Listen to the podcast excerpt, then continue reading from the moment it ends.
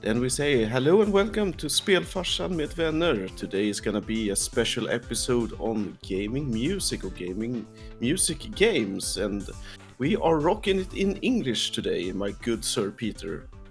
You know what? We never actually paraphrased our Swedish name into an English one. We had a few English shows by now. So what what would be like the English name for for people that stumble upon our English content? Would it be Gamer Dad and Friends? Yeah, probably. Hopefully, we'll- we'll just- hopefully not gamer daddy because I think that sounds No, I, that's why I, Who's I your just, daddy? yeah. Exactly. Let's let's stay well Who's away your from that gamer stuff daddy. and let's just focus on like the singular Gamer Dad and Friends. I So think that's good. um, yeah, but anyway, super super cool to have have this uh, show, have this guest, and have this topic. So, just are we like dropping the drinks now, or are we doing that later? Like, how how do you want to ballpark this? Well, we can. we- It would be rude not to kind of not invite our guest first. yeah. I So let's do as that, and then let's head straight to the drinking and the talking. So, So, directly from Chicago, we have the man, the myth, the legend, the DJ Soundstorm with us. Hi there, guys. How are you? very well. We are terrific, I would say. We're happy to have you here. It's Well, a thank you Friday so much night. for having me. No, you're very welcome. so it's a great way to kick off the Friday night. At least here in Sweden, we are Yeah. on like slightly different time zones, uh, but it's Friday for everyone, right? Yeah, Yes. it So is, that's it cool. is. Slightly different is a little bit of a stretch, but yes, much different for the time zones for sure. Yeah, yeah. Like, how much of a, a difference is there between uh, Chicago and uh, the time we're rocking? We're like Seven hours, past nine. Oh, seven hours. Yeah, yeah. That's is that's quite. That's like a working day. So yeah. Wow. Yeah. So, Cool. uh, let's should should we take the most important part, what we are drinking, before we make a proper introduction? I mean, yeah. Let's let's let's go with that. Um, let's start in the upper corner with uh, Linda. Okay. So I'm having the Distill Brewery, All which right. might be from Chicago. I don't know. Uh, it's Oh, cool. Haze of the Dead. Mm. It's That's a ha- cool-looking hazy skull. double API. Yes, and I remember that maybe uh, one time in the podcast I actually had a a, a- a beer called Hawaii Five O, which I talked about, Oh yeah, yeah, yeah. You're right. You're right. and I think that was from actually from Chicago somewhere. And I think It that's- definitely it's the same brewery. Yeah, it is. Oh, yeah, cool. good. So it's it's an homage to what is it? Windy City. Windy City, yes. I, I, I tried my best to find an a beer from your area. That's very cool. So I'm actually um, not sporting cider today, but it's Ooh. uh, uh, a bourbon-based drink. Yeah, Sweet. Me myself. it is pretty sweet. Yeah. Yeah. it's- Because it's bourbon. Yeah, me myself is going for.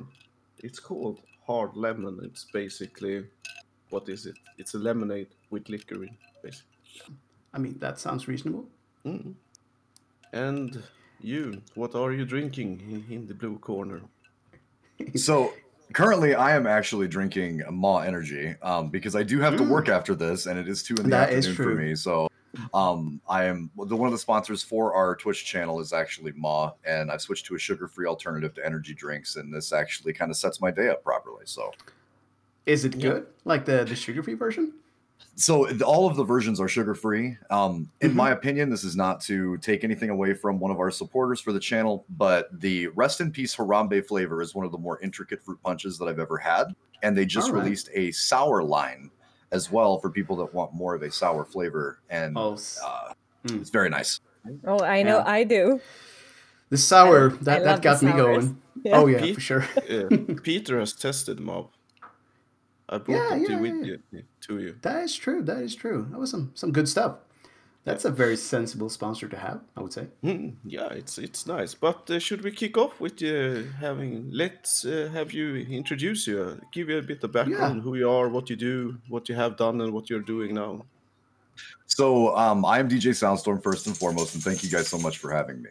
Um, I'm Oh, a no problem. 13 year military veteran for the United States Army, and I've been DJing and producing for well over a decade all over the northwestern, or I'm sorry, the north central part of the United States. And I am currently a Twitch streamer, a partnered content creator on YouTube, and am just a growing streamer at this point. Very Right. cool. So, how did you end up in the streaming world? Um, so i i I'm not going to say it's completely because of COVID because I have been streaming for about two and a half years now.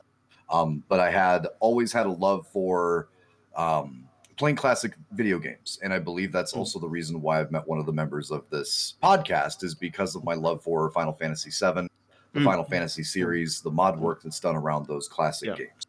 So when we started our Twitch channel, we started our channel because we noticed that a lot of people that were enjoying or ingesting content were very drawn to the larger streamers that were either speedrunning or making perfect runs.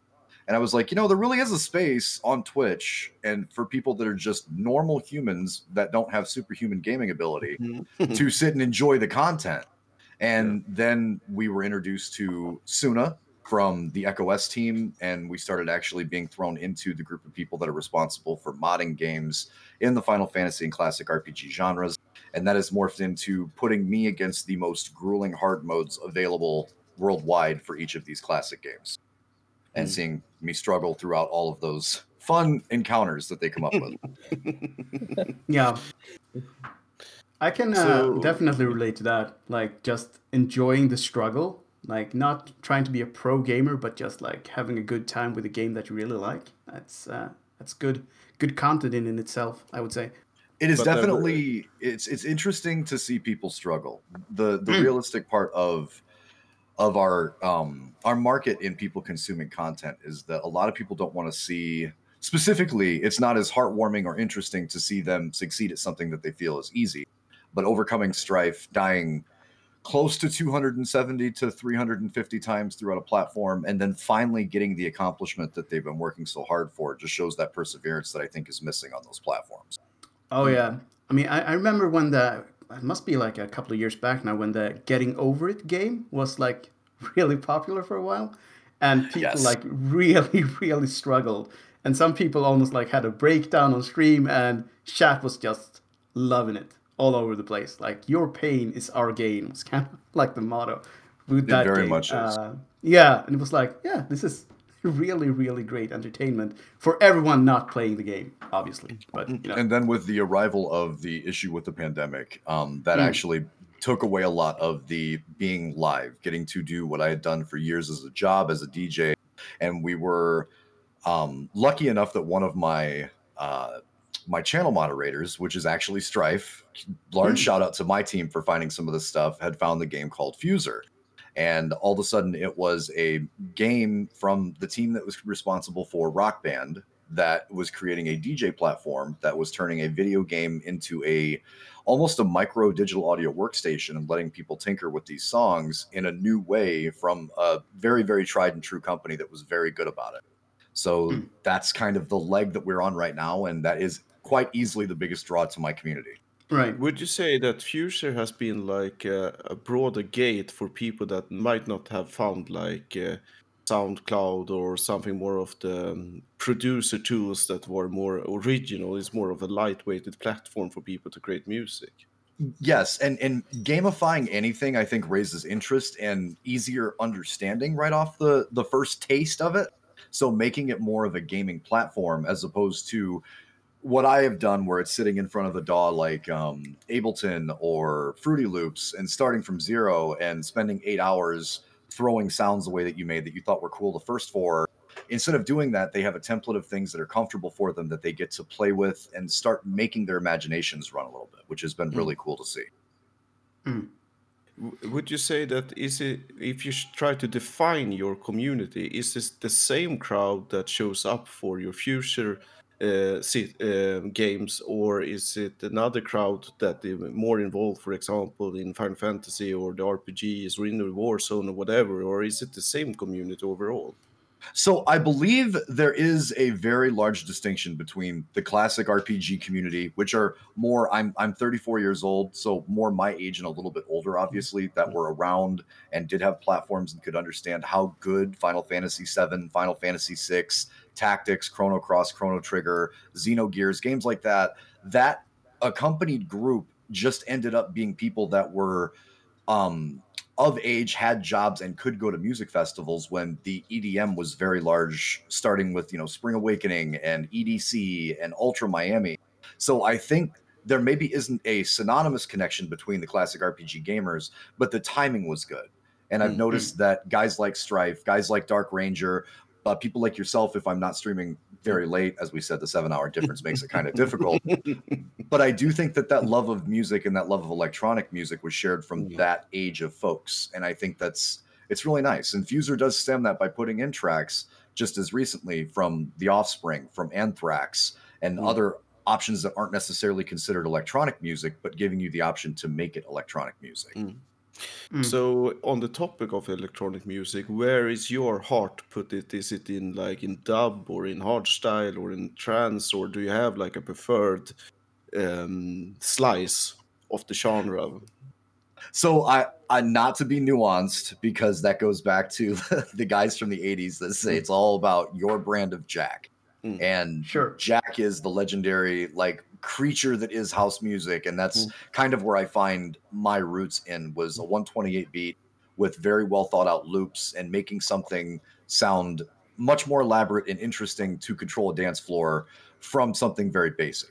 I, I grew up listening to a lot of um, the Prodigy, a lot of Pendulum when they were still Pendulum and not branched off into Knife Party. Daft Punk is a huge inspiration eh, inspiration for me, so that's kind of where my roots are. Is in 128, maybe up to 135, and having that drum and bass and house background is very helpful. So, That's just cool. out of curio- curiosity, what do you think of, of the Swedish artists like Avicii, Swedish House Mafia, and so on? Tiesto, maybe? So I think that we wouldn't be where we are now if it wasn't for those three artists that you just mentioned, and for much different reasons. Um, Mm. Tiesto cultivating his version of trance music, and then from from Arpeggio of strings, and controlling the American market from overseas the way that he did, and influencing everyone in Chicago, everyone in Miami. The way that he did was a massive, massive help to EDM in general. Swedish House Mafia showed that you could be popular and be mainstream, and you could do it as a business and do it properly and be at the highest level. And Avicii is just Avicii. There will probably, we'll never probably be that lucky again. No, he was like a phenomenon. Uh, that's Yeah. definitely like larger than life kind of a Yeah. guy. Um, there, I- there's I been a few of them, but he was like the guy in that genre, I would say. I know that our uh, jealous neighbors try to say that Alan Walker is a Norwegian uh, Avicii, but I'm not really sure that's correct. And I, I again, and this is not to, I, I will never aim any weapons of verbal destruction at any DJ in the market because I feel like everyone's hurting right now with COVID, and I know they're all in a, a very terrible spot. But I love Alan Walker. That's not Avicii. That's not a 16 year old kid that I saw in front of 50, 60,000 people in Chicago and being proud of what he's putting out and changing music while he was doing it. That's not the same. No, it's, it's always kind of tough getting like um, compared to someone that was yeah unique figure. So I, I if I was in the same um, profession as someone like that, I would try to stay away from the comparison altogether. I'm doing my own thing. I'm trying to do the best I can and be the best I can. Uh, please don't compare me to this genius guy who did his own thing. Uh, I'm just trying to do my own thing. No, and So- I I guess especially with Avicii, since he was young and really big, and he's not with us anymore, so it's hard. yeah, that to, that makes like, it try to compare. so much harder. People that are not with us anymore, like almost always go to the legend status immediately, and that makes it even tougher. So yeah, but we were we were briefly mentioning a couple of times. COVID has obviously been a big impact on any type of live. Um, performances it has to do with like theater cultural life and music obviously did that change of how you could perform so to speak make you go more um, not professional because you mentioned you've done this for a couple of years already but did it make you focus more on how you do your streaming work? Or is it kind of like it always has been with that? So for and I, I will say this, um, Mog has been a massive supporter of our channel for a very long time, and at one point in time, it was a I wonder if he's going to stream this week, Um, this literally didn't just change how we perform live. It because I'm not one of those DJs that is constantly going to be on a big stage all over the United States or other areas of the world. I've been a grinding DJ, corporate events, weddings, smaller venues, and every once in a great game we'll get a chance to be on those stages because we've been in the business for so long. But based on my income coming solely from those other types of events, it didn't just change it; it completely stopped it. Right. and it made right. it where it was impossible to do so, even for something as as much as a small wedding. When your normal margins are around a thousand dollars a show or two thousand dollars a show, you cannot charge somebody in good faith if you have any ethical or any human capabilities Right. to understand these people. How are you going to charge them that kind of money for twenty five people to be in a venue and they have to be eight feet apart? It's it's not yeah, a realistic business venture anymore. So, in terms of what it did for streaming, yes, it very much made it where I needed to learn to plan, I need to learn to cultivate content and be more focused on not just the classic RPG community, but branch out into giving myself an avenue to still be attached to music. Mm. So, uh, branching out on that topic, how what was the biggest, um, I would say, obstacles going from having it as one of the venues that you had as an income or as an, a way of reaching out to your community to like have it being the main one? What was it? What was the biggest challenge for you to adjust to filling your schedule with much more streaming than you had previously? I, I know a lot of streamers have mentioned, for instance, that when they haven't streamed for a couple of weeks or a couple of days, it puts a really strain on their voice all of a sudden, having to do that nine to 10 hours a day. Um, was that something you noticed that it was much more physically demanding to be a, a more active streamer, so to speak? The physical part, and I apologize if you guys start hearing some dogs chirping in the background. Oh, no, that's cool. Around. Um, the more physical part was actually um, trying to schedule out the schedule that I had with the little jobs I was trying to fill before I landed in my current one for a day job. And Hmm. then all of a sudden, I don't have the freedom to go to the gym when I usually do. Or I'm on stream for six hours. I have to grab a bite to eat really quick on my break. What's the fastest thing to do? So I noticed that the effects that it had were out of convenience Yeah. and out of focusing on the content. Um, the how to make that transition and what to do when you start actually setting content together is actually a really neat balancing act. And that's when Mhm. you find out who your real supporters are going to be in six and seven months, as opposed to are they going to be here the next stream? Because a lot of our Final Fantasy community and the classic games in general, they're pretty versatile and they're understood. They'll come and check new things out if you're trying new games, but they don't follow variety streamers because they would like to see the games that they are in love with cherished and kind of frozen in time, where they're still being reminded of how awesome they were. So you Yeah. kind of take a gamble when you branch out from that. But in Mm. the modding community, I cannot expect modding teams like Echo S with Sunamods or Mcindus with Lunatic Pandora or Alternate Fantasy with Final Fantasy IX. I cannot expect those guys to, okay, guys, I'm done with this title. What's your next mod? Get you guys, you guys Yeah. ready? Are, are you, you've been working on one for five years. I know it's got to be close. That was kind of the strain. And it's like, okay, we have to find another avenue. There has to be Yeah. something else I can do besides trying to copy someone, a respectable streamer like CohhCarnage, where it is Mhm. consistent variety. And then you find out real quick who actually likes you or who actually is just there to support the game and the team. Yeah, uh, I mean, actually, CohhCarnage, I think yesterday spoke about um, how Twitch as a platform has been changing, and he didn't even know if he would be successful on the platform in five years from now because all the IRL streams and the flavor of the month hot tub streams that have been hitting like the platform and also the VR guys. So, and he's probably the definition of a variety streamer. So, I think that you are dead on when you say that you have to know your crowd and really know how much of a risk you are uh, under when you try to branch out. Uh, it sounds like you really took that into consideration when you padded your schedule with new content. And and that was kind of the and it has been kind of an ongoing struggle with if I want to be successful as a content creator on platforms like YouTube and on Twitch with the day job that I have, is that going to maintain its consistency so then I can continue with the schedule? And it would be awesome just to one day decide, just like any other job, you want to jump into a new field and make it a career.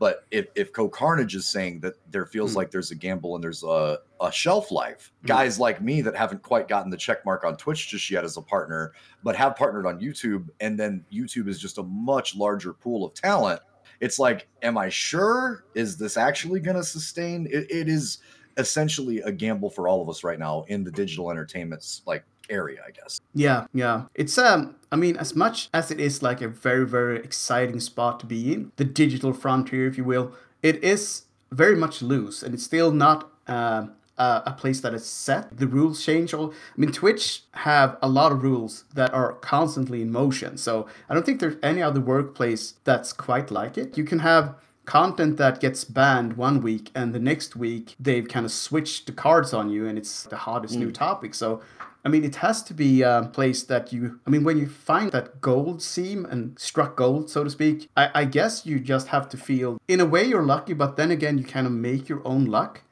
and i think twitch as a platform really defines that that you can bring whatever you want in there but if you make it or not kind of has to do with you being how flexible you are how, how able you are to adjust to the people coming to look at you. Is that something that you've run across that you've had um, your mind set on something like i want to do this game and i want to do it in this way and then you just found that it didn't kind of vibe with your community and that you had to change it up The, the, so there's two there's two answers to that question, and the first of which is because I don't ever foresee myself being in a hot tub and having to worry about crossing any potential lines for that, um, Yeah. because that's not really my market. Uh, that isn't hasn't ever really been a concern. Watching some of the other things that happen around Twitch is kind of baffling. I try to Mhm. avoid making comments on it as much as possible because it, Mhm. if if you are entertaining in that way and you are making money and putting money in your pocket and food on the table, then congratulations for finding a capitalistic way to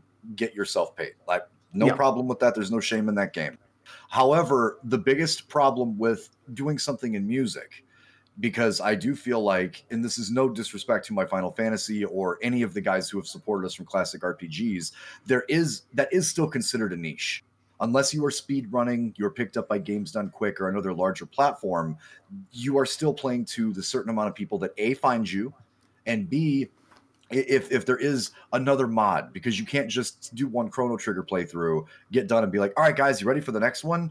Doing that for three years, people would eventually be like, okay, like, is he going to try something else? You can hmm. deadline yourself by backing yourself into corners. And the biggest problem that we've had as I explore more of my musical background on open source platforms like Twitch or like YouTube is that the DMCA has been a problem for musicians since the late 80s, and it still remains a massive problem for us today. So, more of the concern for me is how much time do I have to produce my own music to attach it to these things, and how much music can I play with without answering to emails from DMCA lawyers that are trying to get other artists money out of me?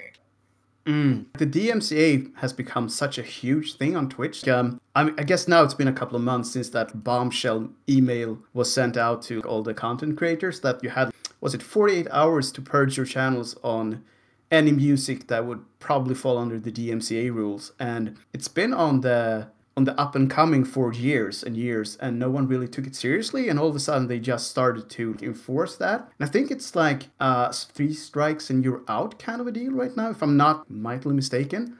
And that has to be a major thing to get a hand on when you actually streaming music content. you have two options in that situation. Um, there are content creation licenses that you can get from companies like Monstercat, who have always been Mm-hmm. Oh, yeah. streamer friendly, and there are other labels. I don't know that Spinnin has just yet, but I know that does, and even Encounter with DMCA. But for a lot of other content creators, they cannot.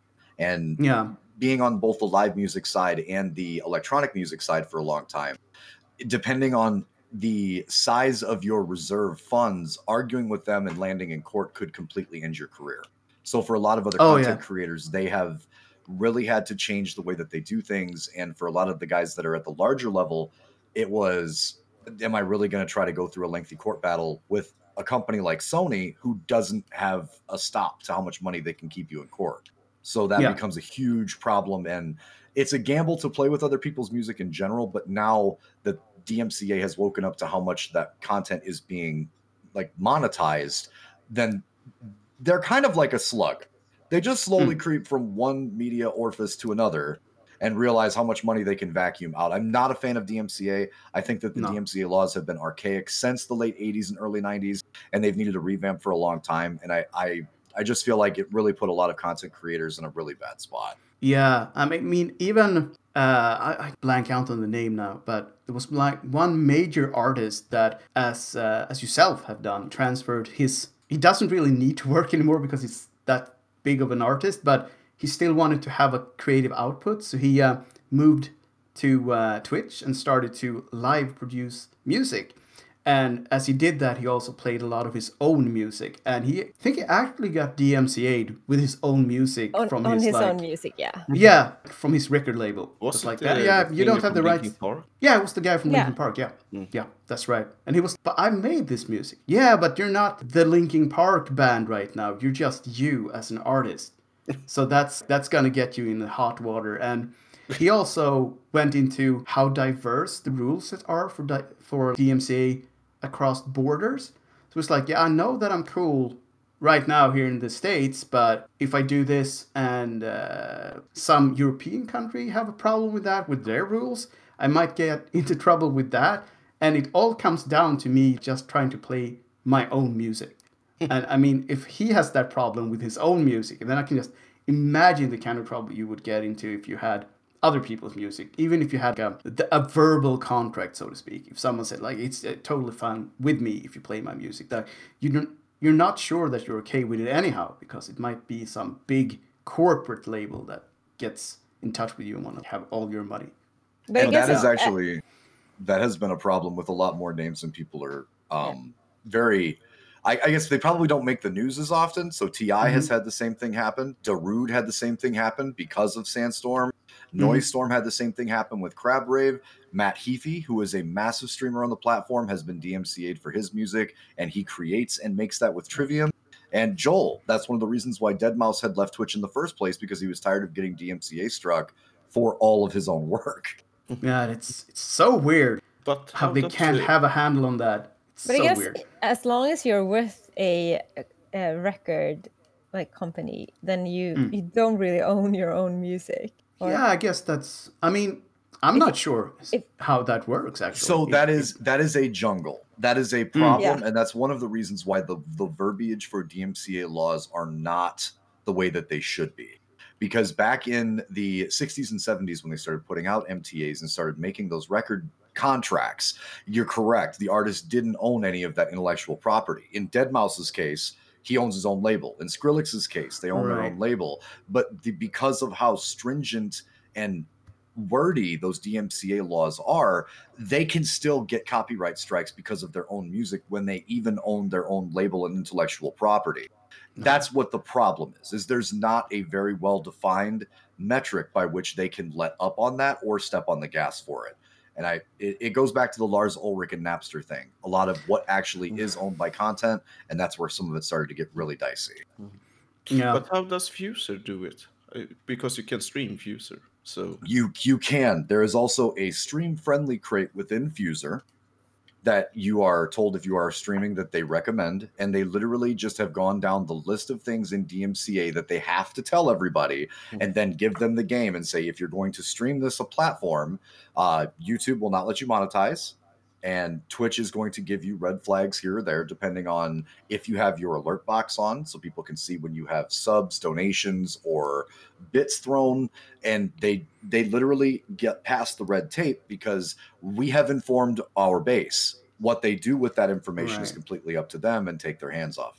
But on another topic, yeah, because I have followed you for some quite some time now, and uh, I know when you started out uh, for quite some time, you were sitting in your kitchen and you were drinking heavily amounts of booze. No, no worries about that. I like to drink myself. But uh, do you feel, but with your community growing and your channel growing, have you have you become more kind of professional or boring or what what you call it like try, no not boring but like trying to be more strict in order to get a bigger crowd, or are you still think you're feeling true to yourself?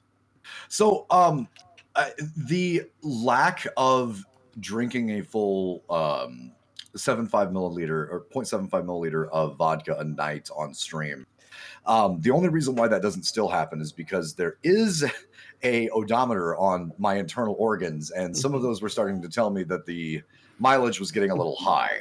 Um, that homey feeling and i don't feel that i've changed the way that i do my content or approach anything that i'm doing in game any different I do think that the comfortable feeling and Mog has been around long enough that like like he said, we were in either my kitchen at one point in time, I was in a living room. Um, I've transitioned a lot from just making it feel like it's a very casual, comfortable situation to kick it with a friend that's on stream, as opposed to a professional streamer doing professional streamer things and people are there to watch. I've been able to maintain, even though I'm not completely blackout drunk every single night that I stream, I have continued to maintain where I dislike the thought that people are there to watch somebody on Twitch as the entertainment that's on stage and they're sitting in the amphitheater. Mm. I much prefer and will always maintain that I am streaming in the crowd and we are all having conversations mm. about what's going on on stage and how bad I am and having jokes at my expense before any of that will change. So I, I guess like the, uh, there's never really been a lack of professionalism if you don't start with a whole lot of professionalism with your streaming career.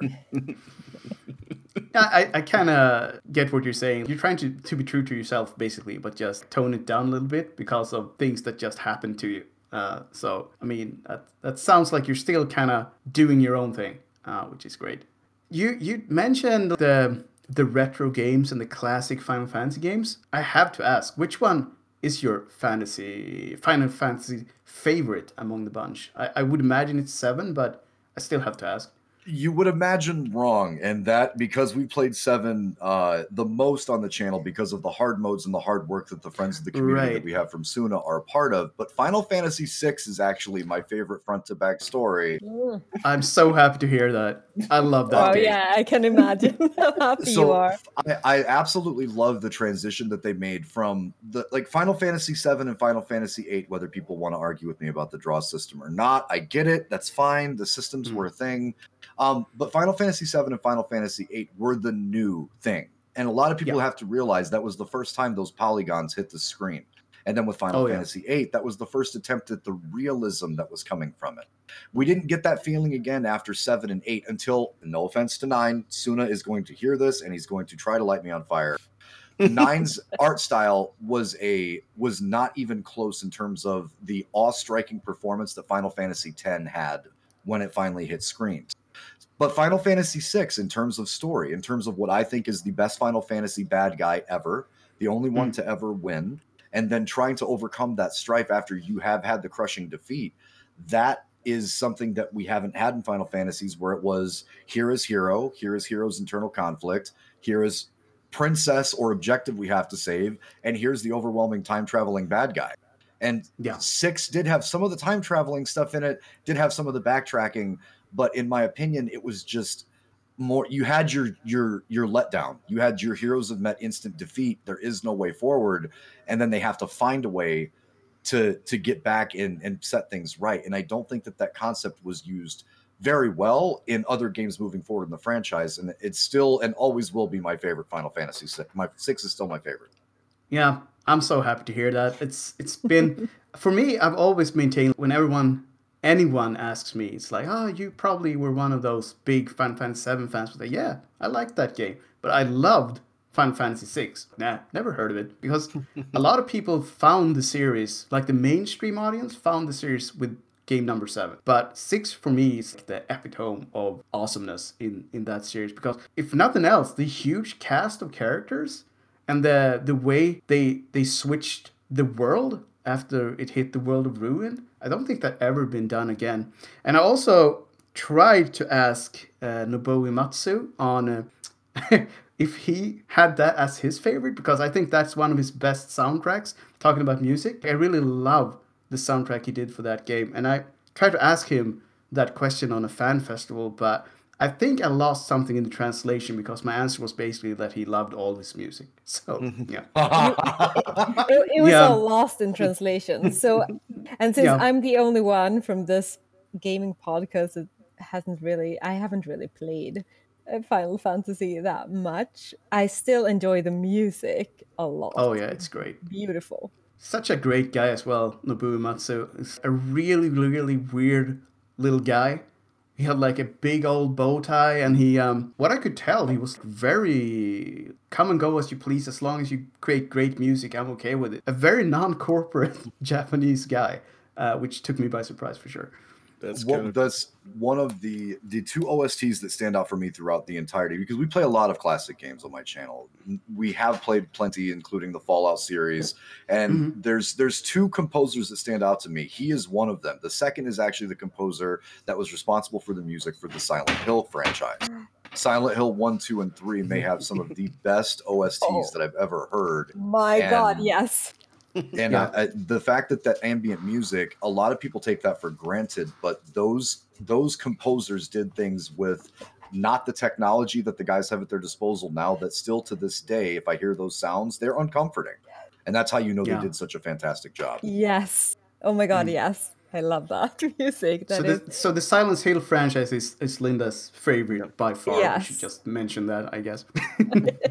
i Yeah, would I not get into stuff. a freight elevator in fort bragg and also at fort drum I we had freight elevators to move things around in stockyards that we were getting stuff in for supply or getting things moved around. And I was the only person as an E5 in the army, a grown human that would not get into a stock elevator and didn't want to tell them why. oh my God, I love I that. have I That have my reasons. yes. You know, I have my reasons. It's not because of pyramid heads. I promise you. Exactly. It's nothing to do with that. That's awesome. So I would say stream any kind of horror game, and Linda will be you, your biggest fan. No, yes, I will. we be. have we have thought we've tinkered with the idea um a lot with some of the horror games that I think kind of identify the genre because I mean just like every genre there were games that were just terrible. And then there Oh, were yeah. games like Silent Hill 2, which even game critics like Yahtzee Croshaw, who are, in my opinion, some of the most to the grain, very analytic and very specific content reviewers, Silent Hill 2 is still his favorite game, and it is one of the favorite games I've ever played outside of like my classic RPG genres. Yes. But with the problem with some of those horror games is I've found is that uh, they after about the second or third time that you die, and some of the harder ones, games like Clock Tower, games like um, I can think of a few other ones, uh, Fear, older games like that have a little bit of a hard time to keep people engaged unless they are just in love with the franchise. And for as Yeah. much as Silent Hill kind of changed horror games for us, um, that the longevity for that crowd kind of stops around the time you start playing into anything past Deadpool 2. Yeah, I'm sorry, yeah, Dead, yeah. Dead Space 2. Yeah, yeah. I'm sorry. Yeah. Dead Space, So, yeah. um, Deadpool 2 is That, Deadpool was a great game though, but Yeah. you know, the- it's kind of a different Or- genre yeah. altogether. and a good movie. Oh yeah, for sure. Uh, I was actually thinking about that because seeing as you are playing these long, very long games, um, how do you keep the general crowd, so to speak, engaged? I mean, you have the the die-hard fans. Obviously, they'll probably be there to see the game in its entirety, or they're there to uh, engage with you because they enjoy. Or uh, pledge to like- get you drunk. Yeah, I mean, th- there are probably three or four subgroups that would be there anyhow. But how do you deal with the people that just stumble upon your channel? How, how do you keep them engaged 20 hours into any Final Fantasy game, for instance? So actually, I can't take credit for that because I would play the classic renditions and the vanilla versions of all of these games just fine and enjoy them.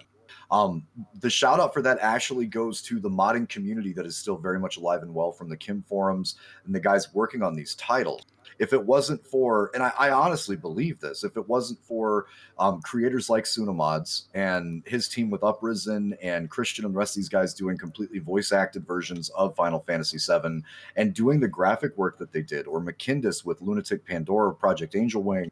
A lot of these guys do that for me. When people stumble onto a Final Fantasy VII stream and they see the models from Remake in the original game, and they think that it's a controversial argument on if Remake was, you know, classic to the original or if it was a good idea, bad idea. I'm not going to jump into that and open that can of worms but a lot of people have so much love for the original game when they see all of these new um, magic spells or they hear bones' soundtrack for that or they see suna's work that he's done with each individual npc and and bad guy in the game um, that actually keeps the retention up and then it's just up to me as someone who I wouldn't call myself a perfectionist or a master at Final Fantasy VII, but I have well over 170 completes for the game, and I know the game inside and out. So, put pitting someone who knows the game against a hard mode, and Mm. then making it look the way that those guys have been able to do, it really is a 50 50 deal because the modding community is making it visually engaging. It's my job to explain why that boss just killed me 36 times in one stream and how I'm going to beat it. I would also say that things like Interactive 7 has done a lot of uh, interactivity with the chat, basically, that you can uh, pay for bringing out weapons or adding weapons or effects or whatever. That's a great stuff to engage the community. what people don't realize, and, and to Mog's point, Brendonius and his team making Interactive 7 a thing and letting the community take a hard mode and step it up to 11 out of 10, where it's like, okay, well, yes, it's kind of expensive, but we'd really like to see the streamer who's had a really good couple of hours. He's gotten items, he hasn't missed a single thing. Let's just delete every piece of gear, all of his accessories, all of his weapons, and all of his materia, and then see how he can figure that out Yeah. things like that have really made because Twitch is interactive TV. A lot of people need to remember that at Oh, its basic foundation, giving chat the option to even so much as change the color of the menus is an engaging facet that again it's just more credit to the modding community for coming up with these things and making something old feel like something new.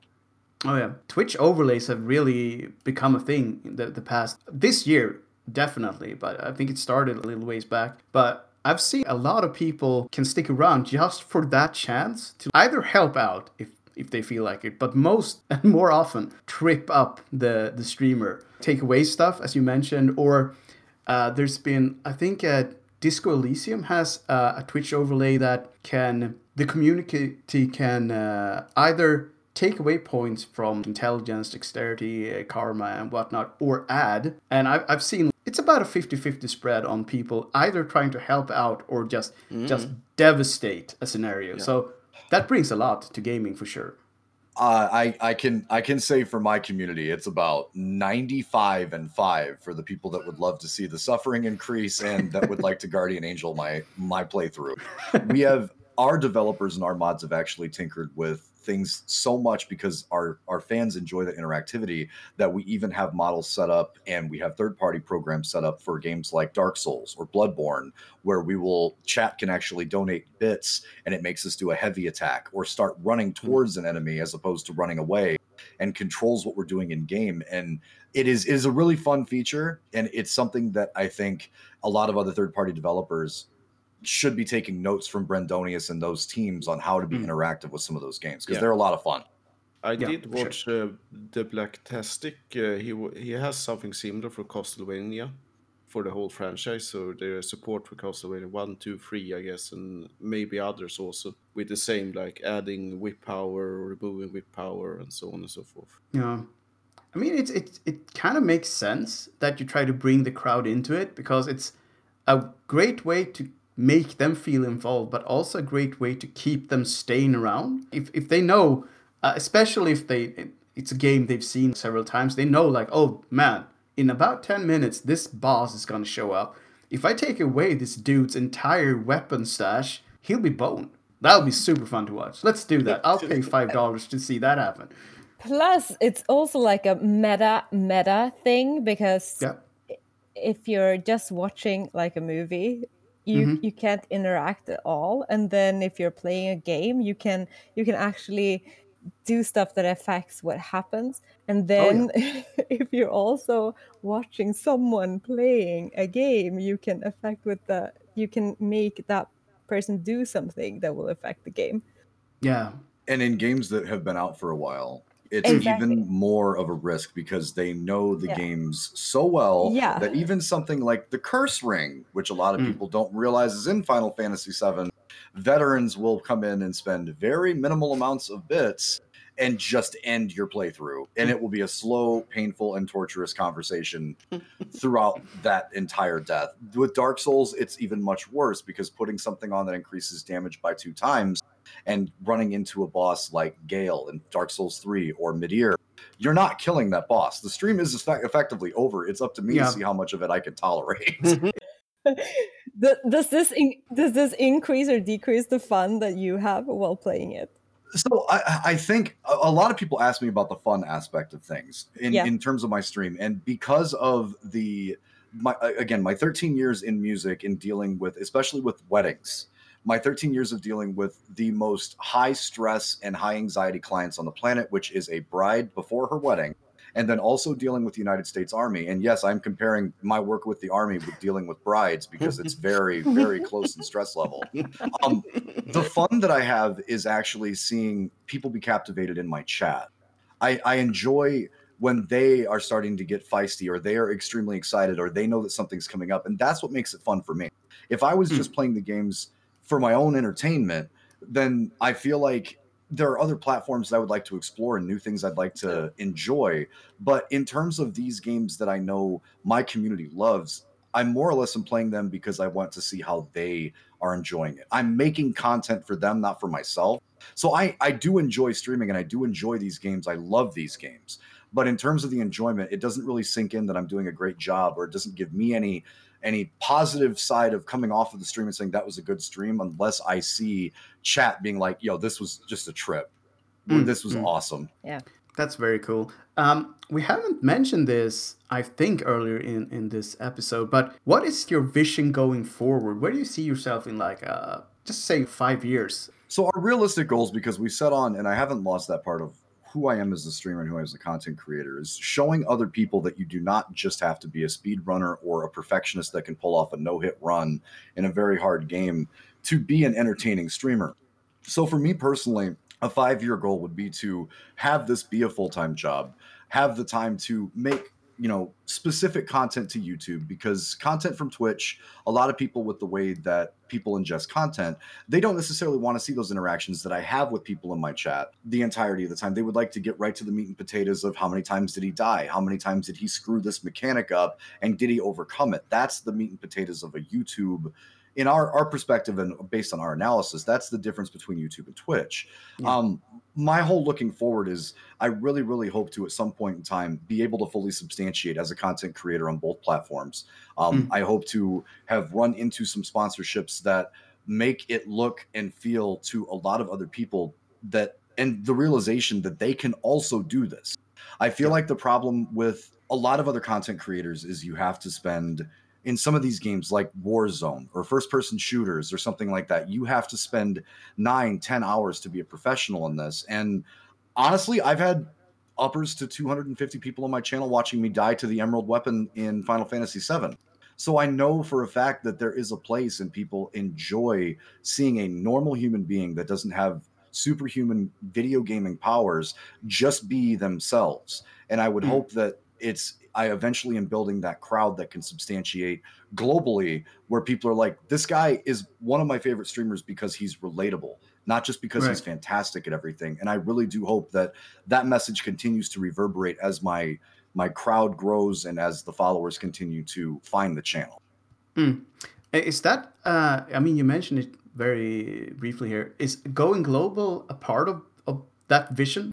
yes actually um if i'm being very clear i i actually in certain ways and this is no disrespect to any of the guys in the us that are huge fans of ours and huge supporters but i feel like the eu markets the um, asian markets and a lot of the other people that we have that are followers and supporters from those different places in the world including australia oddly enough which was Yeah. very surprising Yeah. to me the fact that they are at you guys specifically are much more loyal if, if there's i don't think there's a better way to put that. There is a loyalty to people that are entertaining for the global market that with the united states a lot of the clientele is is he playing that game that we wanted to see? Is he still dying on this boss? No. Okay let's go to the next streamer that Right. happens to be on the exact same situation.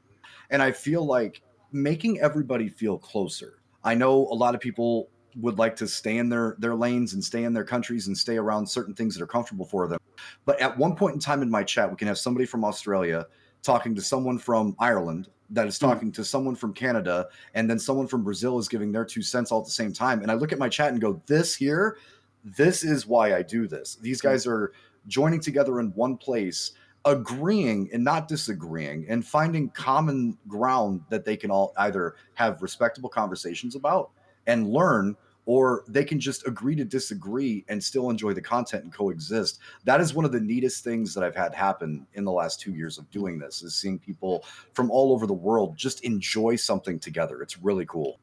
Yeah. Would you say that your community as a whole is like a wholesome and friendly place to jump in and, and talk to people? I mean, from what you just mentioned, it seems like that's very much what it is. I feel okay. There's two sides to this. There is how it is for the streamer and how it is Mhm. for the community.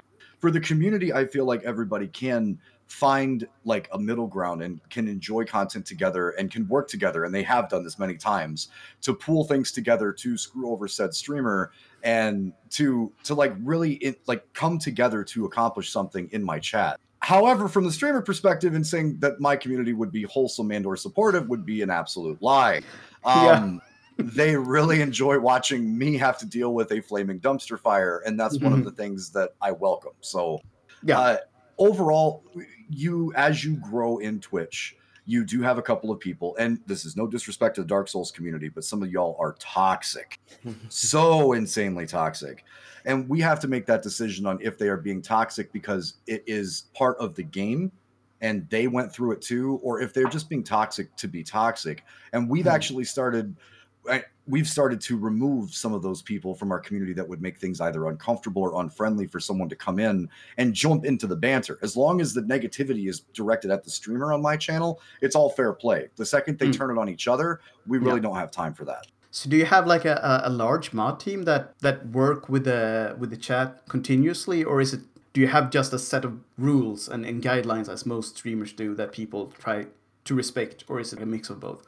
For, it's a it's a mix of both. For a streamer that is intoxicated a good sixty percent of the time, um, it is very important that not only do we have the rules posted, but we have guys from very different backgrounds, from the Mm. modding community, from our World of Warcraft raiding community, personal friends of mine, and I put together a mod team that is a very of all five of them are very different headsets from very different backgrounds and are responsible for helping different parts of my content. So we don't have all one agreement. We have different views all the time, and all of them agree that there's very level of we should accept this and we should not accept this, and they all work together very well to get that done. Right. I mean, I'm not surprised to hear that because I think almost all channels that work well have either a few really good modders, a, a little team of modders that are part of the community. Have you that kind of um, dialogue with people that if you break a rule, are you out, or is it like, dude, chill, don't don't do that again? I mean, we're cool for now, but you know, that that wasn't the way to do it.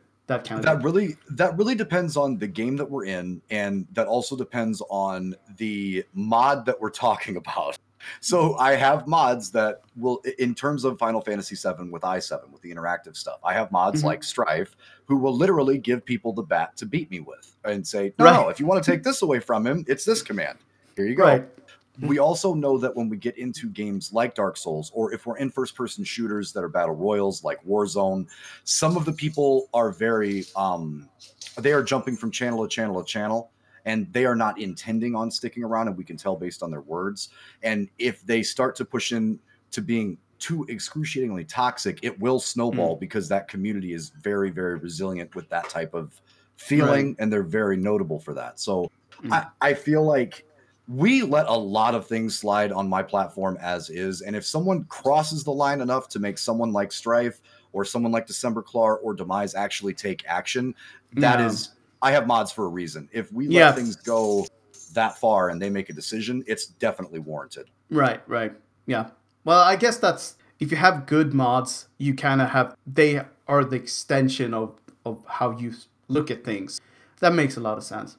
But uh, if Yeah. you if you look back a little bit, if what in your dreams, what would you choose? Either if someone would give you a global big time DJ contract, or in the same time someone else offer you to be a big time streamer, what would you choose? Honestly, I think before I had been doing this for about two and a half years, I think I probably would have chose streaming because it felt like I could reach more people with that platform.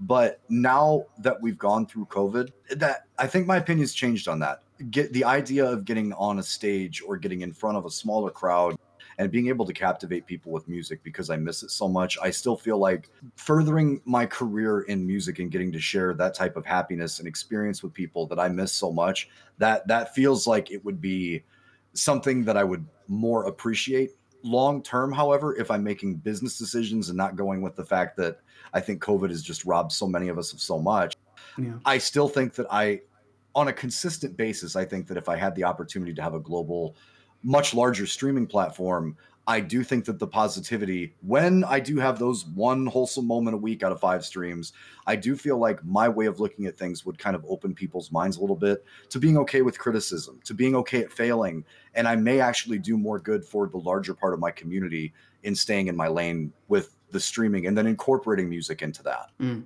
But so, how hard is it to be uh, global in on Twitch? I mean, for example, we're seven hours ahead. Uh, freedom of time. Yeah. The hardest part about that would be the freedom of time. Um, that's why we, as a team and as a community, have been talking about setting up a Patreon just solely to make it where there's another source of income where I can substantiate because of the streamers that reach a more global aspect. Like for me personally, I've talked to to Mog about this too. If I, for instance, was streaming in two four hour blocks and was starting around 1 a.m. or I'm sorry, 1, 1 p.m. my time or around noon, I would be reaching more of that global market, and that would open me up on the platform to being an available streamer that Yeah. people could consume at that time. Yeah. Um, because of a work schedule, if I'm not a full time content creator, the you stream out of convenience. It's when you get home from work, when you have the availability, you've got dinner ready, and you move forward with the rest of your night, and it's that empty spot. So for me, that's why I am more popular with the time zones that are behind us, and then also with Australia, because we fit with their time zone and we fit with the time difference. So Yeah. the difference between that, it sounds really simple and possibly oversimplified, but it's just time. Yeah. No, but yeah, but it- it's it's still going to be hard. I mean, being being global is still going to be hard because people are not going to be awake when you're streaming. A lot of that honestly i think that comes to good content management and being a presence on youtube as well Yeah, and I also guess it, you know people want to be awake.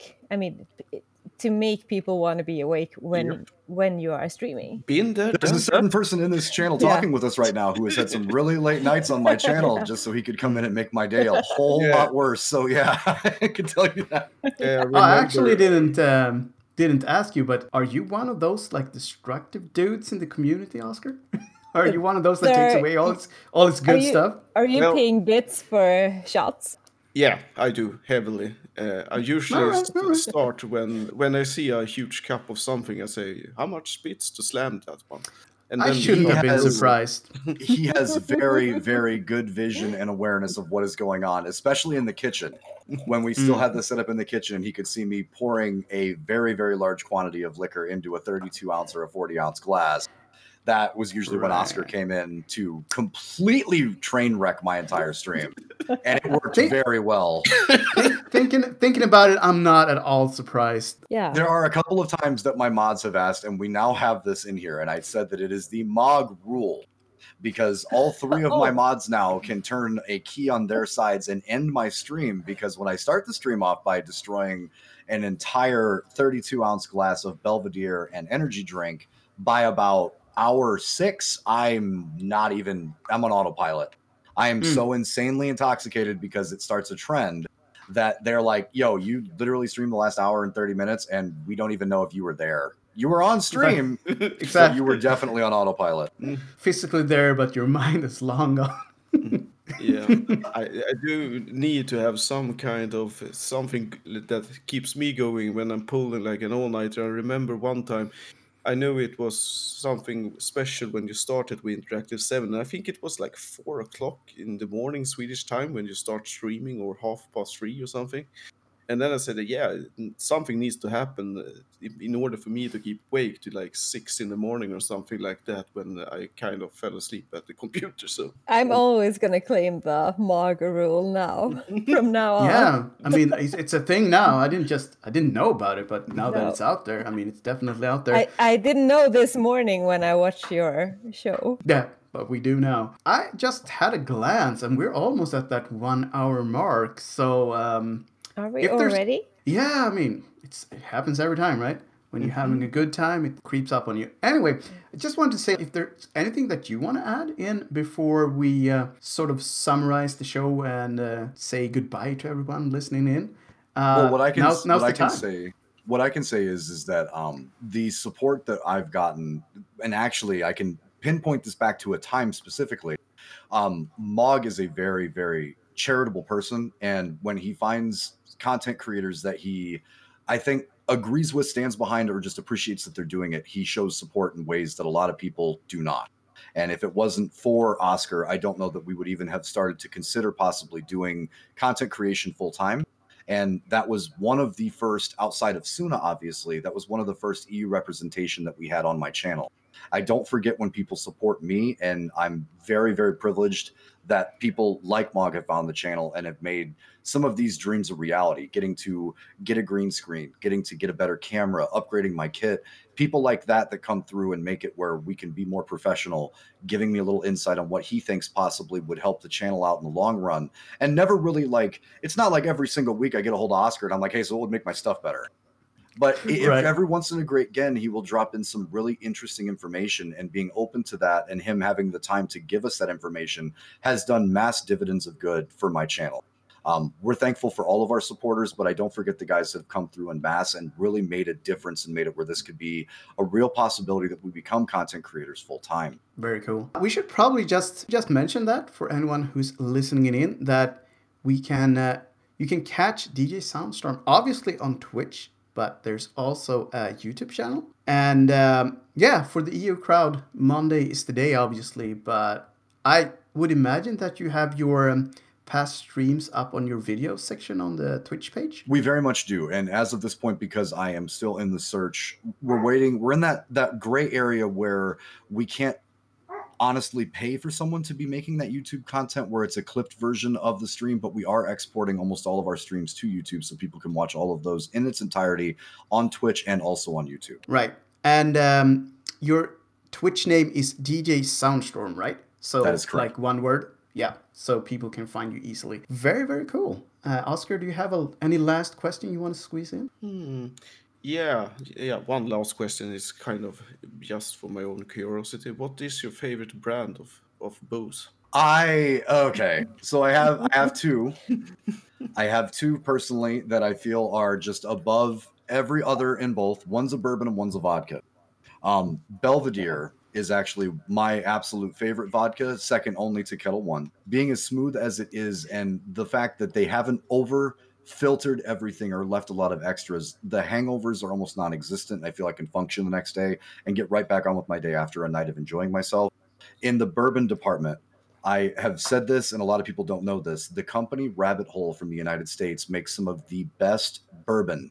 They have different versions of that bourbon, and it's very hard to find anywhere but the United States.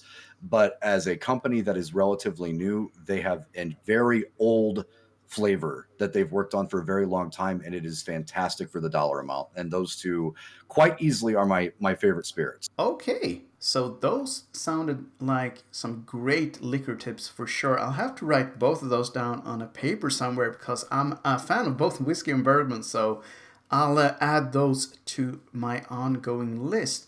I will also take this chance to thank you for a great show. It's been an hour and the time just flew by as it usually does when we start jabbering away. It's been very intriguing to hear you talk about both your DJing career and also your transitioning from being a sort of live content creator to being a digital content creator. It's also been very fun to hear about the type of community that you built for yourself and how they interact with you and how you kind of want them to interact with you and how you respond to interactions from them, like um, Mog, for instance. Also, it's been very fun to hear how you want to grow your channel over time and, and your vision for the future was uh, also inspiring to hear about. I should just once again mention that if you want to catch DJ Soundstorm, it is easiest to do that on Twitch, but there's also YouTube and there's also Twitter.